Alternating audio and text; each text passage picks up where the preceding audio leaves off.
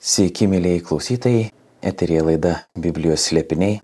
Juos mums bent kiek praskleisti padeda Vytauto didžiojo universiteto docentas Paulius Čerka. Sveiki, Pauliau. Sveiki. Tam tikslui Paulių kalbinau aš, Laurinas Jacevičius, apologetika.lt įkūrėjas. Nagrinėjom patarlių knygą, prieėmė 28 skyrių ir prieš pat jungiant mikrofonus su Pauliumi kalbėjome, kad 28 skyrius pasižymi, atrodytų, vieną giją, vieną temą, tai yra politiniais motyvais. Jų aišku netrūksta visoje patarlių knygoje, tačiau tie personažai, kuriuos mes dažnai sutinkame, tokie kaip kvailys, valdovas, turtuolis, vargšas, išmintingasis, draugas ir panašiai, nemažai atrodytų tarpsta būtent politinėme kontekste. Tai jeigu Pauliau pats galėtume, tai truputį apžvelgti, kas čia dabar vyksta ir po to skaitysime nuo pirmos eilutės visą 28 skyrių, stepteldami ir aptarinėdami atskirias eilutes. Tad tokia trumpa apžvalga 28 skyrius. Taip, šiame skyriuje gal neįprastai daug turim dėmesio skiriamo kraštui, jo valdymui, iššūkiams ir problemams. At antroje eilutėje skaitysime apie tai, kodėl daugėja biurokratijos krašte ir kodėl tai yra žala, kalbama ir apie prastą valdymą. Štai 15 eilutėje skaitysim apie prastą vadovavimą silpnai tautai, kuris būtų kaip liūto riaumojimas ir alpeno lokio viešpatavimas. Tai iš to aišku turim pasimokyti tiek politinės išvalgos, tiek bet kurios bendrijos valdymo. Ar įmonės, ar organizacijos. Nebūtinai mes gal ir nesam politikai savo gyvenime, bet galim pasimokyti taip kaip valdoma ar valstybė, taip valdoma ir kažkuri kita bendryje. Čia svarbu pasakyti, kad krikščioniui politika turi būti nesvetima, mes esame iš esmės politinės būtybės, ta prasme, kad politika nėra tik politinės partijos, politika yra visuomeninis gyvenimas ir kiekvienas iš mūsų vienaip ar kitaip jame dalyvaujame, vienu ar kitu laipsniu. Ir iš tikrųjų, būdami tikintis, tuo labiau mes turime dalyvauti. Čia gal reikia pasakyti, kad pagal socialinį bažnyčios mokymą asmuo yra pirmoje vietoje, tačiau po jo seka ir bendruomenė ir po jo seka ir valstybė. Taigi tai yra svarbus dalykai, gal ne patys svarbiausi, bet taip pat svarbus. Ir apie juos galim mokytis, žiūrėti išvalgas, daryti išvadas. Tad ir pradėkim savo pamokas skaitydami nuo 28 skyriaus pirmos eilutės. Nenorėlis bėga, nors niekas jo nesivėja, o teisusis drasus kaip liūtas norėčiau iškart čia staptelti, nes įvaizdis yra man, atrodytų, pakankamai pažįstamas. Jeigu kažką atrodytų esi tokio padaręs, kas būtų ne visiškai teisinga, gera, nebūtinai įstatymas sulaužys, bet sakykime, kažką pamiršęs padaryti, ką turėjai padaryti, arba galvoji, kad kažkas tave kažkuo įtarė, visur matai pavojų. Ir tarsi reikėtų slapstytis, nors galbūt niekas tavęs iš tikrųjų neieško. O jeigu tu jautiesi tvirtai, tai esi kaip čia parašyta, drasus kaip liūtas. Aišku, tų liūtų mes nesutinkame, dauguma iš mūsų galbūt net ir nėra matę, nu nebent zoologijos sodą, ne? bet gali tvirtai stovėti ir nematai nuolatinio pavojus kažkur aplinkui tykančioje, savęs nereikia saugoti. Čia su politika dabar tokios tiesioginės sąsajos iškart taip ir galbūt nepavyksta lengvai padaryti, bet ar tas įvaizdis yra kažkoks toks panašus, ar čia kalbama apie kažką kitą? Taip, Panašu ir apie tai, apie ką Laurinai kalbėjo. Ir šiuo atveju čia kalbama apie vieną iš pagrindinių darybių. Kaip žinia, jos yra keturios ir tiek senovės graikai, tiek mes matom, kad ir žydai jie jas suvokė, na, gal skirtingai žodžiais žymėdavo, bet tos keturios darybės yra protingumas, teisingumas, tvirtumas ir susivaldymas. Tvirtumą kartais mes sakom drąsos darybė, kartais tvirtumo, čia su lietuvinimas jos esmė yra tokia, kad jis suteikia mums ištvermės sunkumuose ir pastovumo siekiant gėrio. Ji turi tam tikrą pat ryštą nepasiduoti pagundoms ir įveikti moralinėme gyvenime pasitaikančias kliūtis. Tai ta drąsa gali būti politiniam, ekonominiam, bet ji galutiniu tikslu mus kviečia į moralinę drąsą. Padaryti tai, ką mes turime padaryti. Tai drąsa nėra avanturizmas, kai žmonės dėl selfio rizikuoja savo gyvybę, kartais ją ir praranda, taip.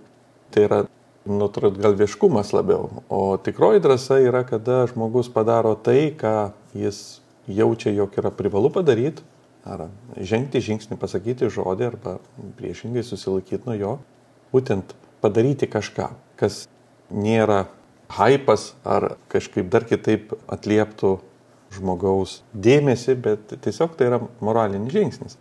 Ir išmintis moko mus, kad ne tik mes turime būti protingi ar teisingi, bet taip pat ir tvirti.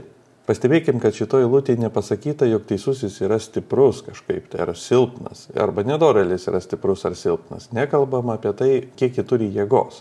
Išoriškai tariant, kalbama apie jų vidinę nuostatą. Būtent drąsa arba priešingai toks na, vengimas žengti į priekį. Tiesiog atsitraukimas, nuolatinis kompromisas su viskuo.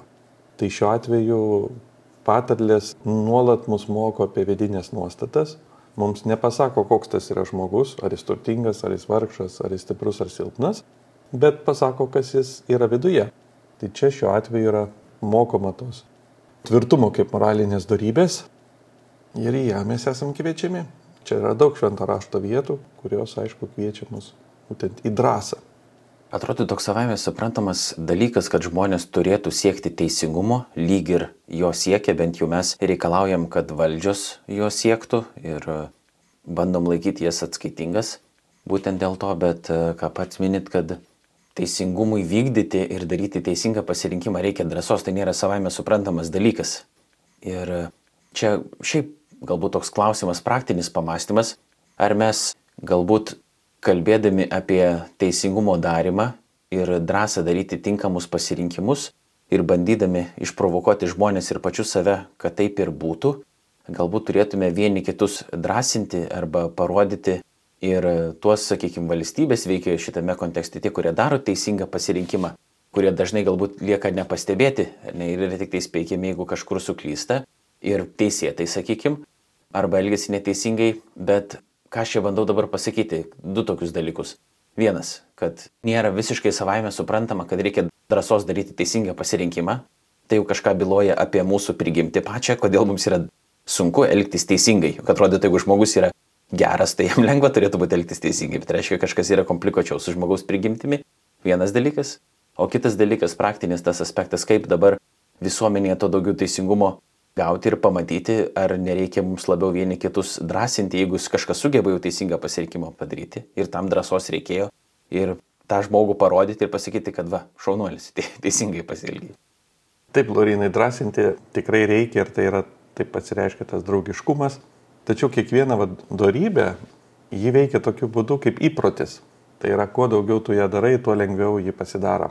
Ir taip kaip sportininkui nėra sunku ateiti treniruotę. Na, nors kažkuria prasme jis irgi joje vargsta, bet viduje jis nelaiko, kad jis atlieka kažką sudėtingo labai. Todėl, kad jis yra įpratęs tai daryti. Keltis anksti ryte ir turėti tam tikrą dienos discipliną. Tai taip pat yra ir su tuo tvirtumu. Tai nereiškia, kad jis nuolat mums tampa sunkus. Reiškia, vidinis įpratis, tai sakykime. Jis ir kaip tik padaro mus tai, kad mums tampa savotiškai lengva padaryti tą teisingą pasirinkimą, jeigu mes tą darybę užsiauginam. Tai čia šiuo atveju yra kaip tam tikro vidinio raumens vystimas. Ir tos darybės, jos kiekvieną kartą, kuo daugiau jas darai, tuo lengviau jos pasidaro sekantį kartą. Ir įdos atvirkščiai. Bandom skaityti kelias tolimesnės eilutes. Nuo antros. Kai kraštas maištauja, jame daug valdovų. Tik supratingų ir patyrusių žmogumi bus saugu. Nedoras žmogus engiantis beturčius yra kaip siaubingas lietus, naikinantis derlių. Kas laužo įstatymą, tas giria nedorelį, o kas laikosi įstatymo, tas jam priešinasi. Blogi žmonės nesupranta, ką reiškia teisingumas, o tie, kurie ieško viešpatės, supranta viską. Pažiūrėkim galbūt į ketvirtą eilutę pirmiausia, kurioje rašoma, kas laužo įstatymą, tas giria nedorelio, kas laikosi įstatymo, tas jam priešinasi. Įstatymas čia tikriausiai nurodo į Torą, ar ne, ne į kažkokį valstybės įstatymą. Na tai jau netiesiogiai jis nurodo mums į Dievo įstatymą, bet e, pati patarlė jinai nurodo mums į tiesiog gyvenimo logiką, jog mes galim pastebėti, jog žmonės, kurie na, nedraugauja, švelniai tariant, su įstatymais, su teisė, jie kažkaip randa argumentų pateisinti, išteisinti, pagirti savotiškai panašius į save taip kažkaip jau gyvenime veikia, kad mes norime pasiteisinti. Ir jeigu mes pateisiname save pačius, mes pateisiname ir panašius į save. Ir iš to mes galim ir įsiaiškinti žmogaus nuostatas. Tai jeigu tai veikia politiniam, teisiniam gyvenime, tai veikia ir mūsų dvasiniam gyvenime, jeigu žmogus nesutinkantis ir su Dievo įstatymu, jisai kažkuria prasme teisina savo mąstymą ir teisina kitą panašų į jį. Taip turbūt suprastume. Toliau čia ta gyja apie, kur yra penktoji eilutė, kad blogi žmonės nesupranta, ką reiškia teisingumas, o tie, kurie ieško viešpatės, supranta viską. Vėlgi tas viskas nėra tikriausiai tokio žmogaus, kuris absoliučiai viską e, supranta, ar ne, bet mintis yra tikriausiai ta hiperbolė tokia naudojama, kad mes žinom, kad viešpatės baimė yra išminties pradžia, tai reiškia, jeigu tas žmogus, kuris bando suprasti viešpatį kažkaip pažinti ir jo pagarbiai bijo, tada jis ir turi tam tikrą supratimą, kuris yra reikalingas teisingumo įgyvendinimui. Ir jis remdamasis tuo supratimu gali treniruoti tą teisingumo raumenį, vis lengviau, lengviau tą teisingumą vykdydamas. O tas blogas žmogus, ne, bet klausimas čia galbūt yra, kas yra tas tiksliai blogas žmogus, nes toliau kitose rašto viestuose yra sakoma, kad visi nusidėjo ir visi stokoja Dievo šlovės ir nėra nei vieno gero, nei vieno, kuris darytų gerą. Tai kas yra dabar tais tiksliai blogas žmogus, kuris čia įskirtas blogesnis už tos blogus visus kitus? Patarlės jos nėra nei per daug optimistiškos, nei pesimistiškos. Jos tarytum pastato mus į tą tokį mokinio, paprastojo žmogaus, nemokytojo vietą, į kurį kviečia mokytis. Tarytum ir sako, kad reiškia ir šansas yra daryti progresą, mes nesame iš anksto nulemti nei vieno, nei kito, tarytum kelio, o esam kviečiami rinktis. Tai šiuo atveju suprantama, kad nėra žmonių, kurie viską suprastų Ir čia tas terminas ieškoti viešpatės neturėtų būti suprantamas kaip priklausyti tam tikrai religiniai grupiai, nes tarytum atrodo, kad tik vienas ar kitas priklausantis krikščionybė ir kitai tikėjimui tikis gali na, suvokti kažką. Iš tikrųjų, šventam rašte tokio žmonių skirstimo nėra ir tas terminas ieškoti viešpatės jis nurodo ne žmogaus konkrečias religinės pažiūras, bet tam tikras nuostatas ieškoti tiesos, ją statyti aukščiau pripažinti, kad kaip tik nežinai visko, abejoti viskų savo pažinimu ir tada, mat, būtent tokioj nuostatoje esi pasiruošęs iš tikrųjų kažką pažinti. Tai čia kalbama apie tam tikrą nuostatą, ieškoti Dievo, reiškia pripažinti, kad dar neturi tos galutinės tiesos. Skirtingai nuo to, kurie kaip tik teigia, kad jie viską žina, ir turi visus atsakymus, jie kaip tik na, ir nesupranta teisingumo arba konkrečioje situacijoje jį pritaiko netinkamai. Nors įsivaizduoja, jį supranta. Turbūt taip. Tada išeina tokia ne tik teologinė, bet ir filosofinė nuostata, kuri daro prielaidą, kad vis dėlto yra kažkaip priešingai relativizmui, kad yra tam tikri dalykai, didysis gėris, didžioji tiesa, grožis ir panašiai, ir šitų dalykų dera siekti, Ir žmogus šitų dalykų siekdamas, nesvarbu kokie yra jo religiniai įstikinimai, jis artėja prie viešpatės, todėl kad Dievas ir yra visų tų dalykų standartas, esmė, pradžia, ar kaip kitai mes be pavadintume. Tad e, galim ir grįžti prie tos antros eilutės, kurios aš e, neplanavau praleisti, nes jinai iš tikrųjų skamba įdomiai. Turiu prisipažinti, kad man ne iki galo yra aišku. Ten rašoma, priminsiu, kai kraštas maištauja jame daug valdovų, tik su protingu ir patyrusiu žmogumi bus saugu. Klausimas atrodytų dabar yra toks, ar kraštas maištauja todėl, kad jame yra daug valdovų, ar jame yra daug valdovų todėl, kad kraštas maištauja ir kiekvienas savo tada yra valdovas ir nebeaišku yra ko klausyti. Ir tada, kai vyksta toks chaosas, žmogus nežino, kur glaustis, kur pasidėti. Ir tada tik tas protingas ir patyręs žmogus gali būti saugus uostas tame chaose. Taip, Lorinai, geras klausimas. Ir jis yra gana sudėtingas. Pavyzdžiui, šiandien specialistai, politologai irgi bando atsakyti, kas konkrečiai yra įvykę su mūsų kaiminė Rusija. Ar tai propaganda yra sugadinusi visuomenę, ar vis tik visuomenė yra kažkaip irgi atsakinga, kad ji turi tokią valdžią ir leidžiasi taip gadinama. Tai nėra taip paprasta iš tikrųjų įsiaiškinti, kur čia yra priežastis, kur padarinys ir kaip jie vienas kitą veikia. Bet aišku yra tai, kad ir visuomeniai tenka tam tikra dalis atsakomybės tikrai ne baudžiamosios kokios, bet tam tikra politinė atsakomybė už tai, kas su jie vyksta.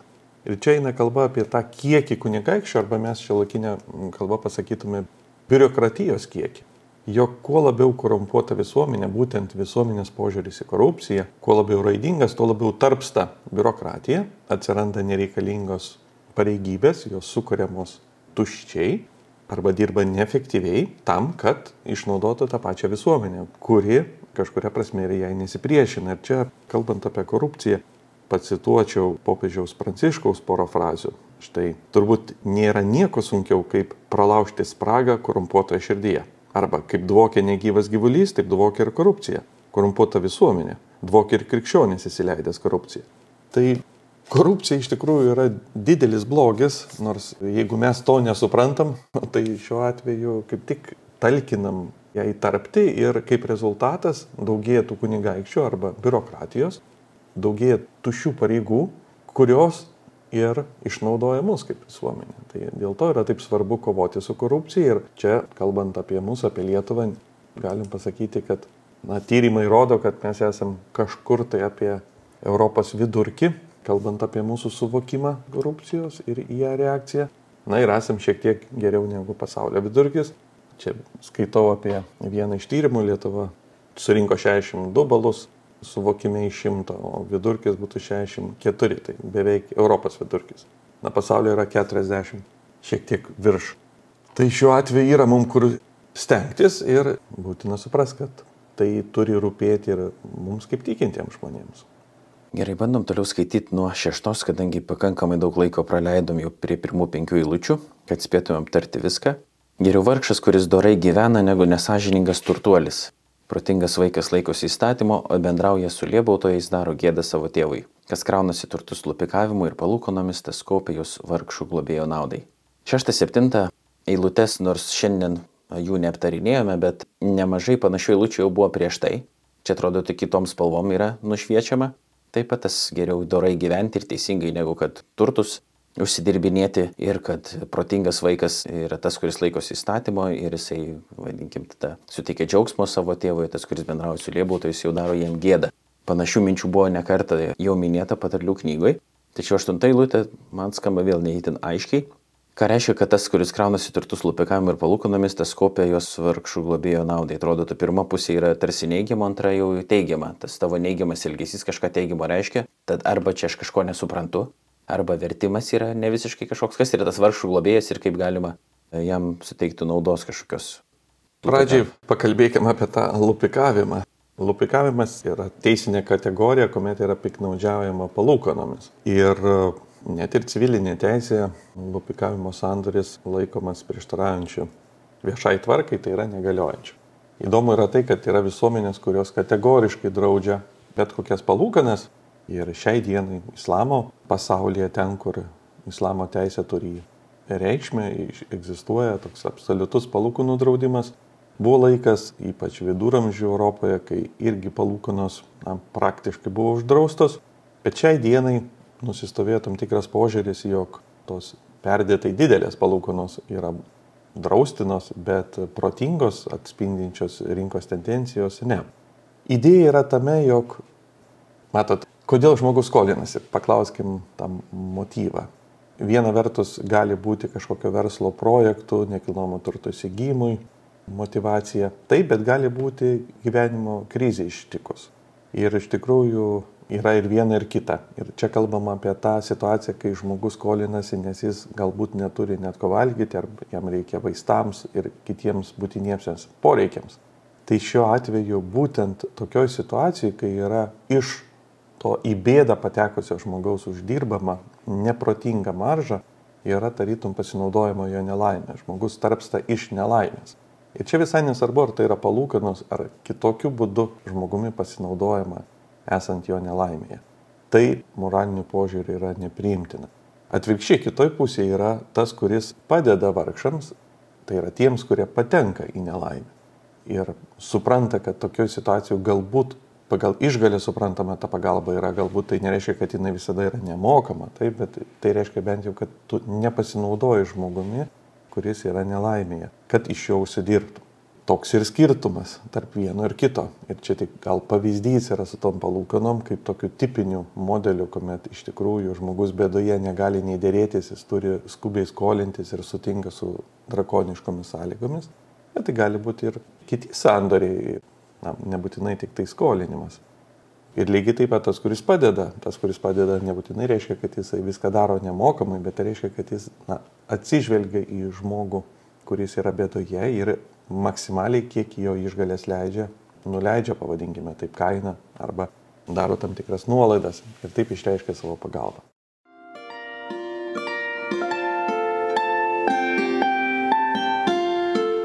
Jūs girdite Marijos radiją.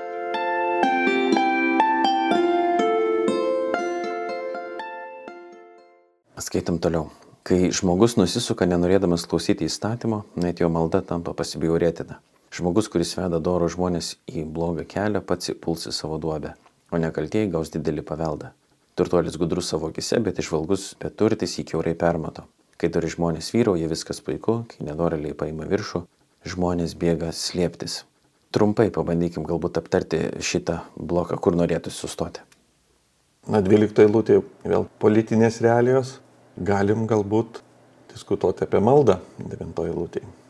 Dažnai mes galvojam, kad malda savaime visada yra gera, na, kad Dievas labai džiaugiasi, jeigu žmogus, tarytum labai reikšmingas, sumasto pasimelsti, bet iš tikrųjų šventam rašte aiškiai yra nuostata, kad ne kiekviena malda jam patinka. Ir viena pirmųjų scenų šventame rašte ir pirmoji scena, kuomet mes sutinkame auką, aukojimą, yra Abelio ir Kaino scena. Juk abu du, Kainas ir Abelis, atnešė po auką, tačiau vieną Dievas priėmė, kitą ne. Tai jau yra pirmoji pamoka, kad ne kiekviena auka ar ne kiekviena malda jam yra primtina. Ir skirtumas buvo ne pačioje aukoje, tarytum mes galėtume atrasti atsakymą, kas ten netaip su jie buvo. Abi aukos buvo techniškai tariant tinkamos. Skirtumas buvo tai, kad Kainas nekentė savo brolio, o Abelis jį mylėjo. Tai yra jo socialinis gyvenimas vadinkim, socialiniai santykiai, tai kasdienybė jų skyrėsi. Ir būtent kadangi jis gyveno neapykantą su savo broliu, tai buvo kliūtis, jog Dievas ir nepriemė jo aukos. Nes jeigu Dievas priimtų bet kurią auką, taip jis taptų kyšininku. Reitum leistų žmonėms jį papirkinėti. Tačiau jis tokių nėra. Dievas, kaip sako šventam rašte, nepriima kyšių ir malda negali būti kyšis. Tai reiškia, pirmiausia, mes turime tarytum siekti Dievo teisingumo ir tada, reiškia, melstis, o ne atvirkščiai. Laikyti, kad nieko tokio. Kažkaip sugebėsiu Dievui sumokėti kyšį gal kažkokią tai savo religingumu, dvasingumu ar maldomis ir nesiuošiu keisti savo elgsenas. Tai šiuo atveju tai yra labai svarbu ir fundamentalu, kalbant apie dvasingumą, jog malda savaime negali būti techniškai primtina. Jinai svarbu, kas meldžiasi ir kaip jisai žiūri į savo artimą. Aišku, tada mes turėtum tikriausiai saugotis nuo to, kad nepagalvotumėm, kad tik tobulas žmogus gali melstis, tik tas, kuris jau viską yra sustvarkęs savo gyvenime, nes atrodytų per maldą irgi žmogus keičiasi. Kaip tada čia reikėtų šitą vietą suderinti? Reikia ir šitos vietos, Laurinai. Viskas labai gerai, kad papildai, balansas turi būti šiuo atveju. Bet Taip. čia tikriausiai paties kalba yra daugiau apie tą motivaciją, negalvojant, kad aš galiu gyventi kaip noriu, ir tada toliau, kaip sakyti, religinė tą drabužį įsivilkęs, melstis tarytum niekur nieko, aš kaip myliu Dievą. Ir čia šiaip dažnai yra kaltinami krikščionys su tokiu veidmainiškumu, kad gyvena vienaip, o iš tikrųjų ir masto vienaip, ten nekenčia žmonių dar kažko, o iš tikrųjų vat, yra labai pamaldus, eina į bažnyčią, meldžiasi. Ir tarsi tai ne tik žmonėms nepatiktų, jeigu iš tikrųjų tas veidmainiškumas yra neižvelgtas iš šono, bet jis yra tikras. Ir tas nekentimas yra nenumanomas kažkoks, jis yra nuoširdus tada tai reiškia ne tik žmonėms tai nepatinka, bet ir Dievui tai nepatinka. Taip, toks dalykas nepatinka nei žmonėms, nei Dievui ir na, lietuvių tautoje yra labai daug irgi patarlių susijusių su tuo, paprastai jos yra apie davaktiškumą, tai yra tam tikra uolų liktai religingumą, bet kita vertus širdies tuštumą. Ir žmogaus širdis pasireiškia per jo kasdienybę, per santykius artimu. Ir nepaisant to, žmogus ją užmaskuoja savo religingumu. Tai Taip, tą supranta liaudis, tą supranta tauta, na, tai yra ir šventam rašte. Tačiau nuolat mes turim savo tai priminti. Dažnai mes savęs na, nelaikome davatkomis, bet iš tikrųjų turim nuolat pagalvoti, ar mes nepadarome kažką panašaus, grinai formaliai, išoriškai. Ir 13 eilutė į tą mintis atrodytų tesiama, kas slepia savo kaltes, tam nesiseks, o kas jas išpažįsta ir nebenusikalsta, tas susilauks gailestingumo. Tad maldoje ir tas savo kaltes galima atskleisti, tuo pačiu, aišku, tos kaltes turi iškilti ir viešumą. Ir tada galima tikėti susilaukti gailestingumo kažkokio. Skaitom nuo 14 toliau. Laimingas žmogus visada pagerbėjai bijantis Dievo, o kas užkėtina savo širdį, tas patenka į nelaimę. Kaip riaumojantis liūtas yra į mešką, yra nedoras vargingos tautos valdovas. Kadangi pats jau užsiminėt pačioj pradžioje apie tą riaumojantį liūtą ir ają mešką, tai galima čia truputį galbūt steptelti ir aptarti, apie ką čia eina kalba. Čia yra tas paradoksas, kad kiek tautos elitas, vadovai įtakoja pačią tautą ir kiek tauta įtakoja juos. Ir vis tik tam tikras ryšys yra. Retai būna, kad tas vadovas atsiranda iš kažkur, visiškai, sakykime, nepriklausomai nuo pačios tautos. Nors anais laikais gal nebuvo tokios demokratijos, nebuvo tiesioginių rinkimų, bet tam tikras tautos balsas vis tiek įtaką darė. Ir Čia aš pamenu vieną Ezopo pasakėčią, kuomet buvo balandžiai išsirinko savo vadovų erelį. Jie labai džiaugiasi, kol jis nepradėjo juos vieną po kito ėsti ir tada jie pradėjo pykti, skūstis, tačiau jiem visi priminė, kad ar ne jūs patys jį išsirinkote. Ir matom, kad jau ir Ezopas mokino tam tikrą atsakomybę, kurį turi nešti visuomenė. Dažnai visuomenė pabunda per vėlai, pabunda ir sako, o kodėl taip atsitiko, kodėl mes esame tokie nepatenkinti savo valdžia, bet O kurgi mes buvom per rinkimus? Ir ar mes neturėtume kažkiek savo patiem pateikti priekaištų? Tai šiuo atveju aš sakyčiau, kad tos eilutės, kodėl jos yra taip pasakytos, jos žadina mūsų supratingumą, kad mūsų pasivumas, politinis pasivumas ir nesirūpinimas politiniu gyvenimu, jis gali privesti prie būsenos, kai atsiranda va, tokios riumuojantis liūtas ir raimeška, o paskui būna saliginai jau per vėlų arba vaistai yra labai jau skausmingi. Pabandysiu tokį rizikingą dabar manevrą atlikti ir pažiūrėti, ar yra čia tokia gilesnė, vadinkim, prasme, kuri peržengia politinį lygmenį ir yra susijusi su mūsų dvasiniu gyvenimu. Ar galim tada sakyti, kad vėlgi mus gali valdyti aistros, netroškimai ir badorybės tam tikros? Tai jeigu mes leidžiam, mes aistrų valdomi ir po to tas aistros mus naikina, mes pradam pykti, kodėl jau čia dabar mus naikina, kas čia dabar taip yra. Gali mums kažkas pasakyti, nu tai ko tu darybėmis nesivadovavai ir tada būtų tau geriau buvę, dabar pats prisileidai leidaisi aistrų valdomas ir esi ėdamas iš vidaus. Taip, puikiai pritaikė Laurinai šitą alegorinį metodą ir šiuo atveju dažnai vat, patarlėse, kai mes kalbam apie vadovą, karalių, tai viena vertus mes galime žiūrėti į Dievą, o kai kuriomis atvejais žiūrime į save, nes Adomas, pirmas žmogus, šventame rašte, pradžios knygoje yra pristatomas kaip tas, kuris pašauktas valdyti, valdyti šalį, valdyti žemę, bet ir valdyti pat save. Ir mūsų valdymas, aišku, prasideda nuo savęs valdymo. Ir šiuo atveju kažkuria prasme mes irgi esame ta tauta, kurie renkamės, kas mus valdys. Dorybės ar įdas. Taip, iš tikrųjų, taikliai alegorija būtų. Nuo 16. Valdovas, kuriam trūksta supratimo, nuožmiai engia, o tas, kuris bjaurisi neteisinga nauda, ilgai gyvens. Žmogus vėjamas dėl kraujo kalties bėgs iki kapo, ten nepadeda jam niekas. Trumpai steptelkim prie 17. Kraujo kaltė. Tai tikriausiai reiškia, ne, kad dėl žmogžudystės kažkas yra užmuštas. Bet dabar situacija yra tokia, kad yra minimagi, ne, Sename testamente taip pat, kad yra paskirti tam tikri prieglaudos miestai, kuriuose tas žmogus bėgantis nuo kraujo kalties gali būti skaudus, jeigu aš teisingai atsimenu. Ir jeigu tai yra paskirta ir teisėtai šitie miestai, kuriuose jie gali rasti prieglopsti, tai ar patarlių 28 skyriaus 17 eilutė tam neprieštarauja, nes čia yra sakoma, kad tokiam žmogui niekas neturėtų padėti ir tokiu miestu būti neturėtų. Na, nesu tikras iš tikrųjų, kaip reikėtų vat, suprasti šią vietą, bet čia gali būti apie tai, kad eina kalba apie tyčinę kaltę, kuomet būtent į tos miestus žmogus bėgdavo tik dėl nelaimingo atsitikimo, kuomet žūdavo žmogus bet ne dėl suplanuoto žmogžudystės, tai šiuo atveju ne visai identiška padėtis būtų, būtent ta kraujo kaltė galėjo reikšti kitą. Ir aišku, nuoroda į tą kraujo kaltę yra mums apeliavimas į Kristaus mirtį. Mes kaip žmonėje, kaip žmonės jį nužudėme iš dalies sąmoningai. Ir apeliacija yra tam tikrų būdų, kad apaštalai dažnai kreipdamėsi į minę kviesdami žmonės atgailai kartais jie naudojo tą aluzija, kad jūs nužudėte, taigi jūs esate žmogžudžiai ir šiuo atveju uh, mes nesijaučiam visai kalti dėl Kristaus mirties, dažnai kaltinam, vieni kaltina žydų tautą, kiti romėnų valdžią, kažką kitus, bet uh, pamirštam, kad jis mirėgi už mūsų nuodėmės ir mes turim tam tikrą atsakomybę. Už tai ir todėl tai turėtų mus vesti į atgalą.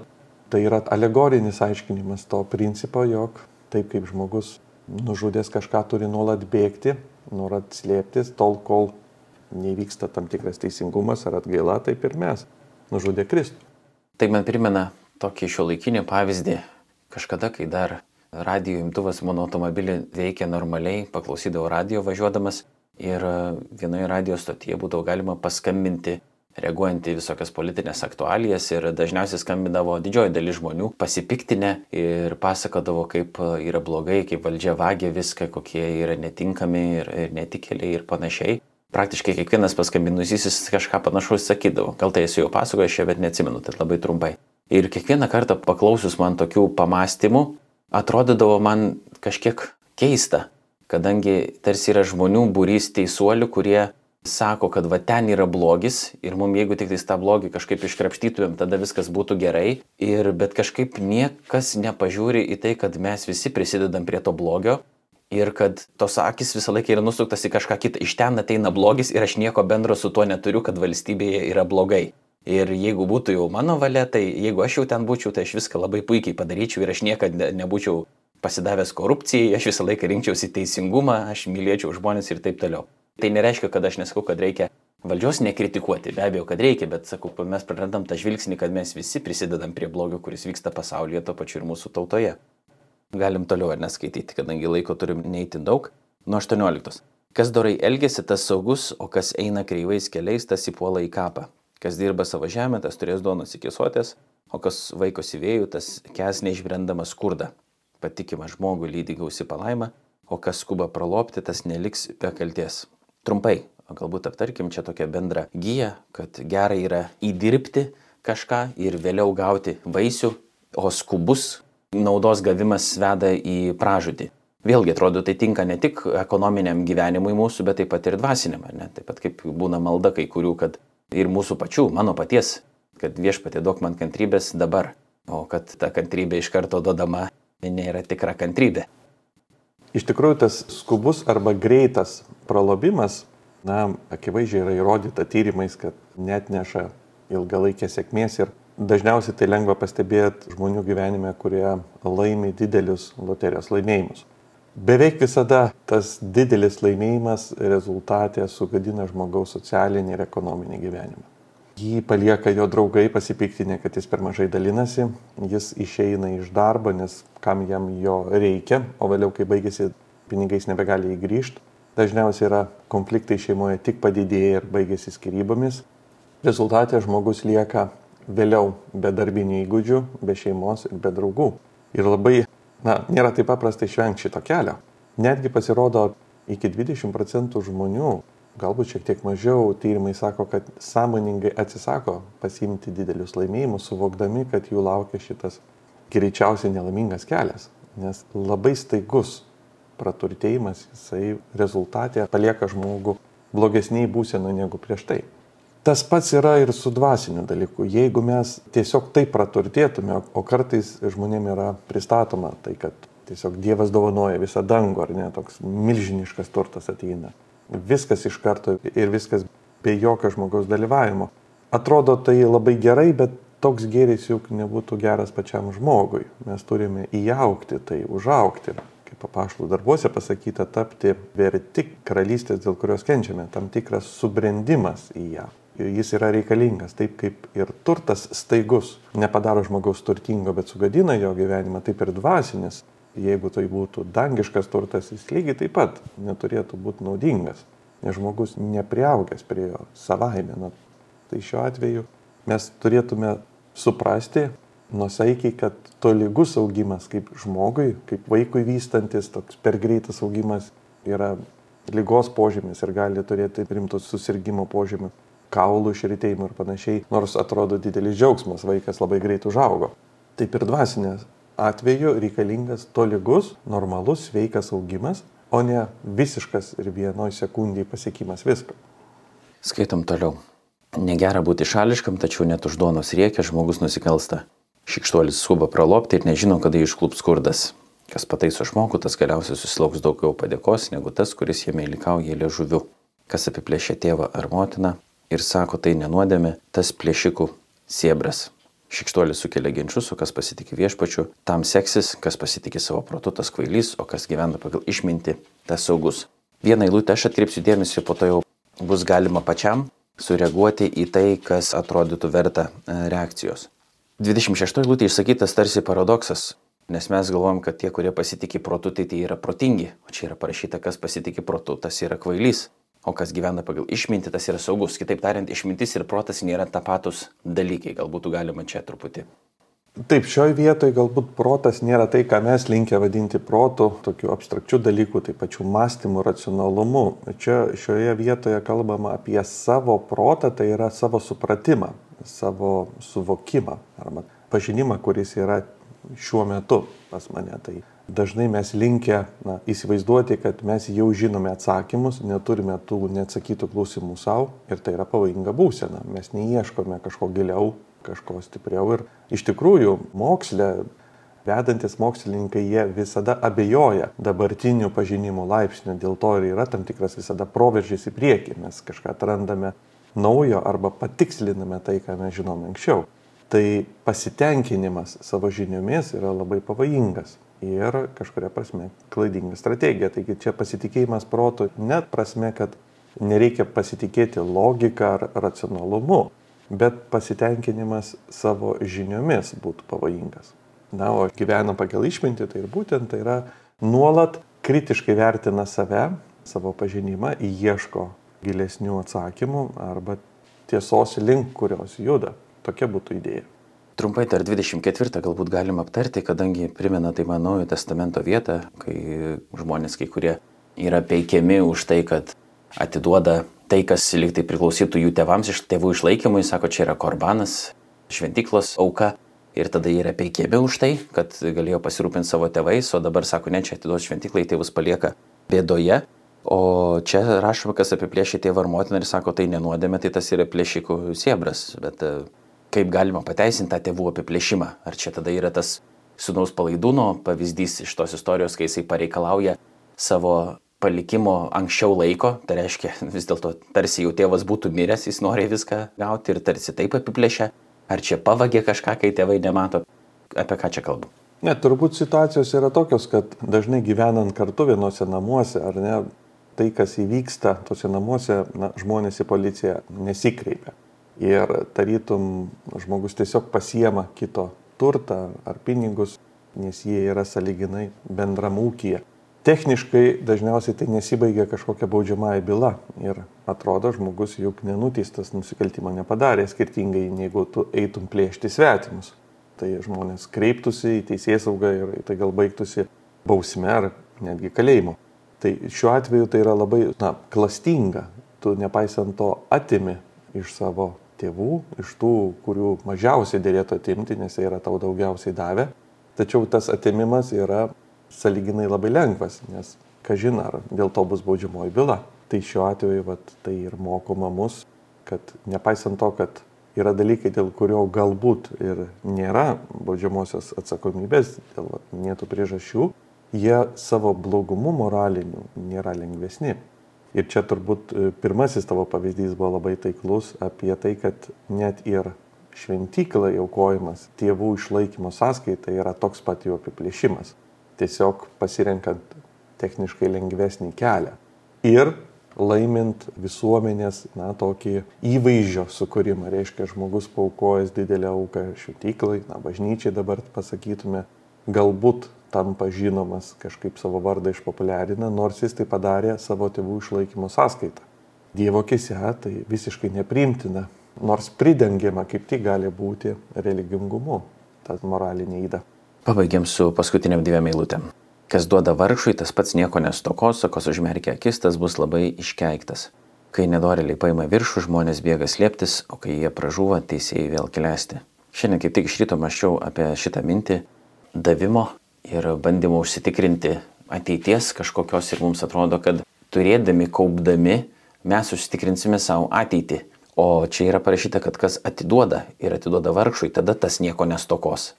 Irgi tai lūtė yra tokia priminanti tą vietą iš Naujojo testamento apie tą turtingą tokį kvailį, kuris galvoja, kad atkrausiu ir po to džiaugsiuosi ir po to iš jo buvo pareikalauta tą pačią naktį jo gyvybės. Atrodytų vėl ta išmintis, kuri čia yra išsakoma, prieštarauja žmogiškam nusistatymui noro save išsaugoti. Taip, visur tie paradoksai.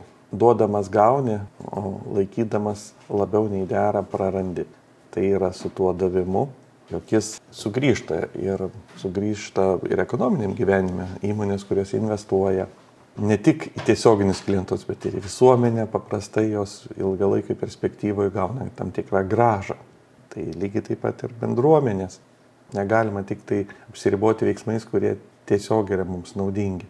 Ir čia yra tas bažnyčios socialinis mokymas, asmens pirmumas, kad asmuo yra svarbus nepriklausomai nuo to, ar jis turtingas ar ne, silpnas, ar stiprus, sveikas ar sergantis. Vien žmogus dėl savo orumo yra vertybė, vertingas ir atitinkamai mums dera elgtis tą prisimenant negaliu nepaklausti, kuo tai skiriasi nuo karmos. Darysiu gerai, gausiu gerai, darysiu blogai, man bus blogai.